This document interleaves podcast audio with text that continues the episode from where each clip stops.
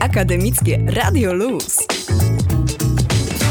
Dzień dobry, drogie słuchaczki, drodzy słuchacze, tu Michał Sałkowski. Wracamy po wyjątkowych świętach do działania. Dzisiaj w programie Agnieszka Barbach w rozmowie z Lizą przebywającą na Erasmusie w Austrii. Jak radzi sobie ten kraj w walce z koronawirusem i dlaczego właśnie po świętach stara się zmniejszyć obostrzenia, na przykład otworzyć część mniejszych sklepów. Zajrzymy też na nasze lokalne podwórko, będzie wątek komunikacyjny. Wrocław cały czas pracuje nad strategią elektromobilności. Jakie udogodnienia już wprowadził wprowadziło miasto dla właścicieli aut elektrycznych, jakie zamierza i jakie plany ma w tym kontekście na komunikację miejską. Postaramy się też odszyfrować dla Was tajemnicę języka polskiego, trącić myszką. Co to znaczy? Odpowiedzi poszuka Agata Sibilak w swoim cyklu analizującym staropolskie przysłowia. I dawkę sportu też Wam zaaplikujemy. Paweł Tanona powie o tym, że piłkarski Śląsk znalazł receptę na brak wydarzeń w dobie koronawirusa. Przenosi się w świat wirtualny, do esportu właśnie zmontował ekipę zawodników. No to gramy. Słuchacie Akademickiego Radia Luz na 91 i 6 FM. Jesteśmy w Wiedniu razem z Lizą Zadorożną. Cześć. Cześć. Liza, powiedz mi najpierw, jak się trzymasz na tym Erasmusie, bo nie wróciłaś do domu, zostałaś w Wiedniu. Jak tam jest? Tak, mieszkam w tak zwanym WG, czyli Wohngemeinschaft, czyli mieszkam z innymi studentami. Jest nas trzy osoby i razem mieszkamy, wychodzimy czasami na, na spacerki, ale no nie za bardzo. Nie chodzę do labu. Powinna byłam być na research project, tak zwanym, czyli robić projekt i nie chodzić jakby na zajęcia, ale przez ostatnie trzy tygodnie robiłam zadania z domu, czyli jestem jakby w kontakcie z moim superwizorem i pracuję zdalna. Czyli pojechałaś e, na Erasmusa do Wiednia na tak zwany research project, czyli to nie są studia w postaci zajęć, tylko po prostu polegają na chodzeniu do laboratorium i robieniu projektu naukowego, tak? Tak, dokładnie tak. A zdążyłaś chociaż się nacieszyć tym Erasmusem laboratorium? Czy nie zdążyłaś się jeszcze rozkręcić w pracy naukowej?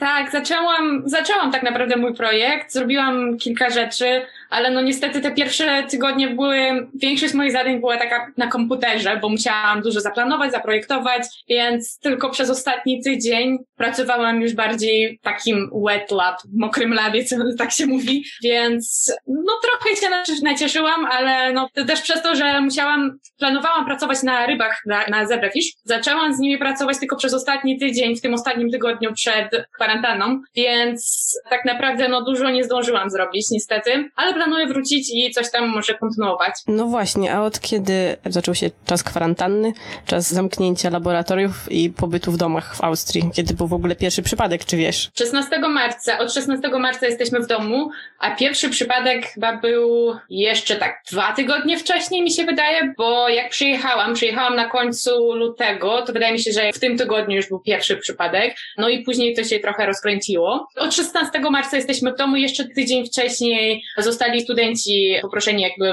siedzieć w domu. Czyli studenci już chwilę wcześniej zostali przerzuceni na system nauczania online, a ty od 16 marca. To już jest nasz trzeci tydzień w domu. No a jakie zasady w takim razie obowiązują w Austrii? Czy można wychodzić do sklepów? Kiedy w ogóle można wychodzić? Można wychodzić do sklepu po zakupy.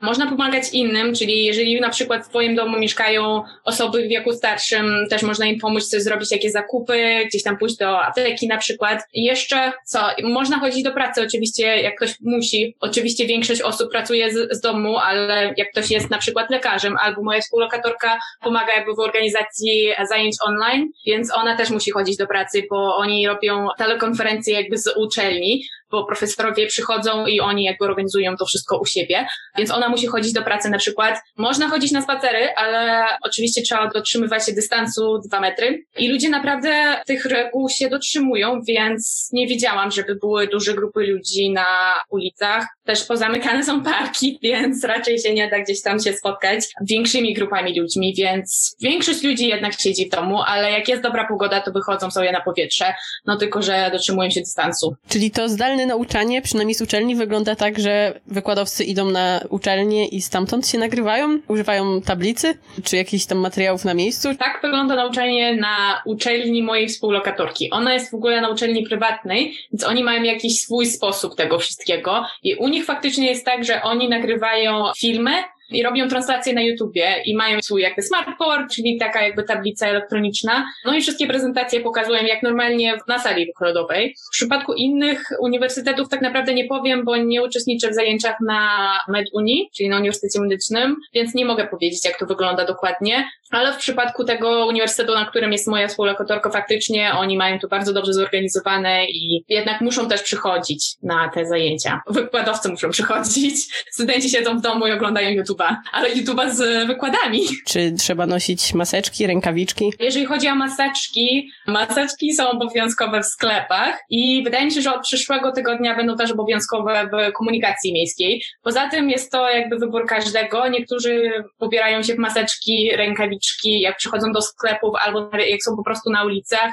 Ja osobiście tylko w sklepach. Czyli zakładasz maseczkę tylko w sklepie na zakupach? Tak. Też wychodzisz na spacery? Tak, wychodzę na spacery. Znaczy wybieram takie mniej popularne ulicy, czyli gdzieś tam może nie w centrum, ale też mieszkam dosyć daleko od centrum, więc po prostu wybieram miejsce, gdzie jest mniej ludzi i dla mnie to jest jakby sposób, nie wiem, przełączyć się na coś innego i pomyśleć o jakimś o życiu. Niektórzy biegają, bardzo dużo osób biega, więc to też jest dozwolone jakaś aktywność fizyczna na dworze. Ale sytuacja w Austrii generalnie jest całkiem dobra, prawda? Jeżeli chodzi o liczbę przypadków, to oczywiście była ona dużo niższa niż w wielu krajach, szczególnie jeżeli chodzi o Włochy i Hiszpanię, ale był czas, kiedy było dużo, dużo przypadków. Gdzieś właśnie na początku tej kwarantanny liczba przypadków codziennie była mniej więcej 800, 1000 osób. Teraz jest to już chyba w ciągu ostatniego tygodnia, to się zmniejszyło do 250 osób mniej więcej, więc jest tu naprawdę duży spadek. Wczoraj była taka preskonferencja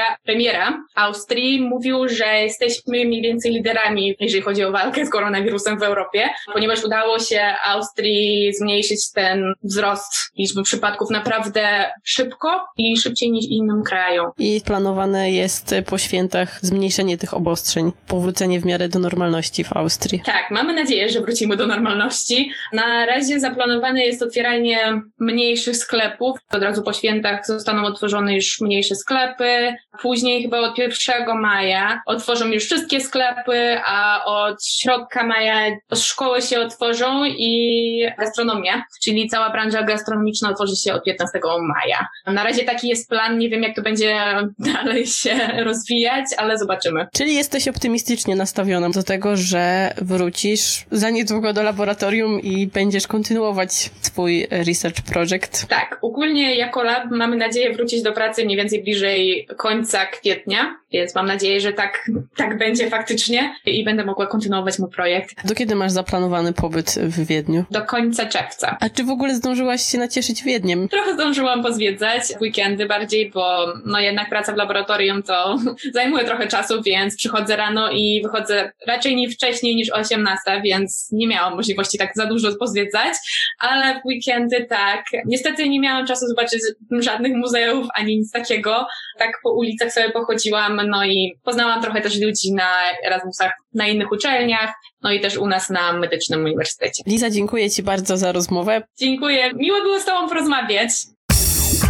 91 i 6. Akademickie Radio Luz.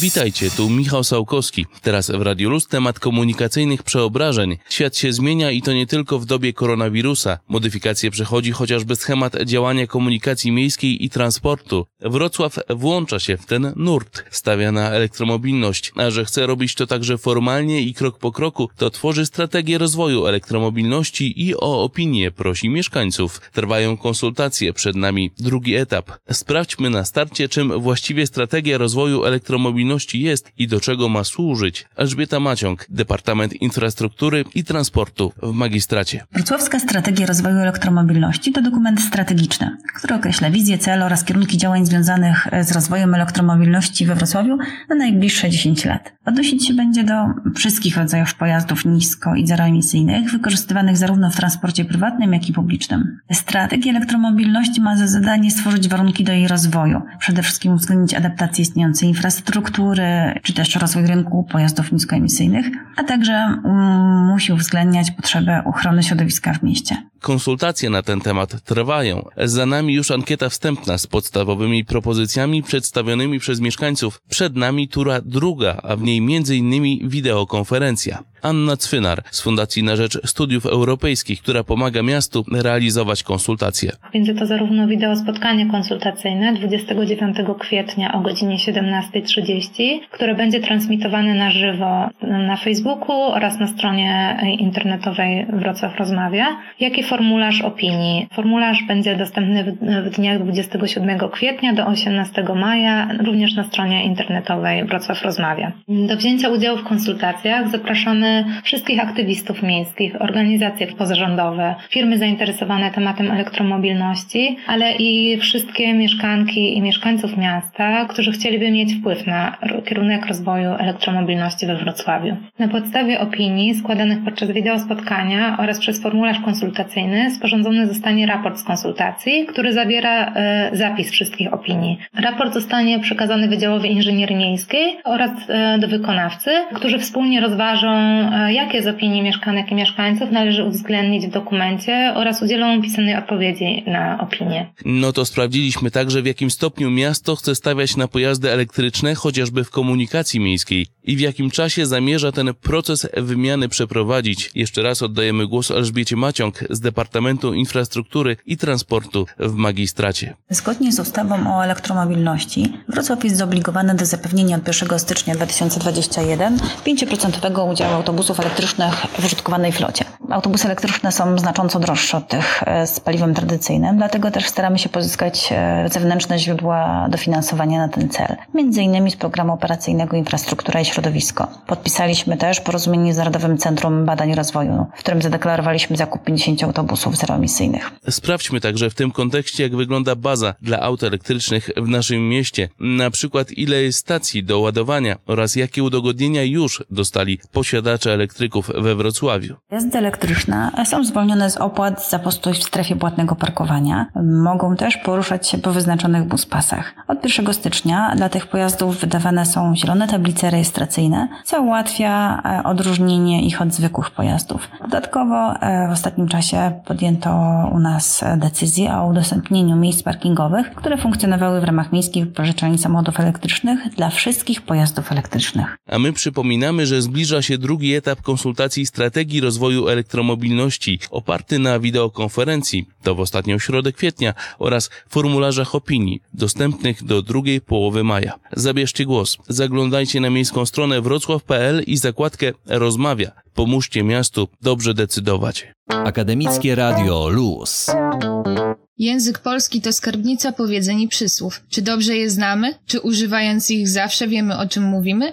Słuchacie przysłowiem w sedno. Zapraszam, Agata Sibilak. Trącić myszką, czyli być przestarzałym staroświeckim. Powiedzenie to składa się z dwóch słów użytych w znaczeniach, w których już nie występują. Myszka oznacza tu specyficzny zapach starego wina, które w słowniku Doroszewskiego opisany jest jako nektar w ustach w woni myszka. Czasownik trącić znaczy tu po prostu wydzielać słaby zapach.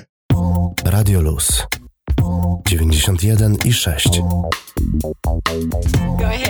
Cześć, tutaj Paweł Tanona. Dzisiaj będziemy krążyć w temacie Śląska Wrocław, ale odejdziemy na moment od klasycznego sportu. Powodem jest decyzja Śląska o utworzeniu kolejnej sekcji, tym razem e-sportowej. Wojskowi będą mieli swoich nowych podopiecznych w grach FIFA, Counter-Strike i Fortnite. Poznaliśmy też pierwsze nazwiska, które będą reprezentować Śląsk w wirtualnych zmaganiach. W FIFA grać będzie Damian Gajewski, Fortnite'a Bruno Zachacz, a kapitanem drużyny z Counter-Strike'a został Łukasz Ilnicki. Dodatkowo uruchomiona zostanie Akademia. To jest bardzo ważne właśnie w kontekście Śląska i e-sportu. Przyświecać jej będzie wyszukiwanie młodych talentów pochodzących z Wrocławia, ponieważ na takich zawodnikach Śląsk chce oprzeć tę sekcję. Do Akademii może zapisać się każdy, więc tak naprawdę nic nie stoi na przeszkodzie, żeby każdy z nas mógł spróbować zostać reprezentantem Śląska Wrocław. Jakby o tym bardziej pomyśleć, to kompletnie nie dziwi mnie fakt, że Śląsk zainwestował w e-sport, ponieważ zarówno sport, jak i właśnie e-sport polegają na rywalizacji, więc mogą przyciągnąć ludzi, przede wszystkim tych z młodszego pokolenia, którzy zainteresują się i tym, i tym. Jest to biznes, który ciągle ma wielkie pole do rozwoju. W zeszłym roku cała branża esportowa zanotowała ponad miliard dolarów przychodów, a według analiz ta wartość może rosnąć nawet o kilkanaście procent co roku.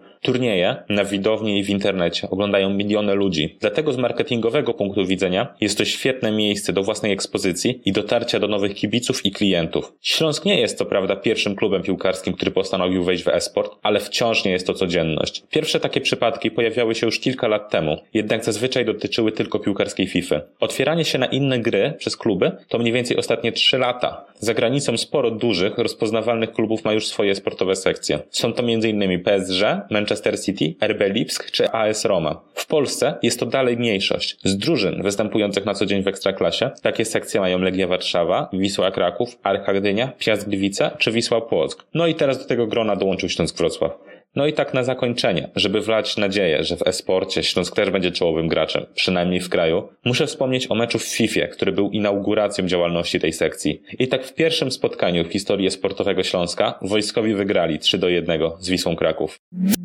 Akademickie Radio Luz.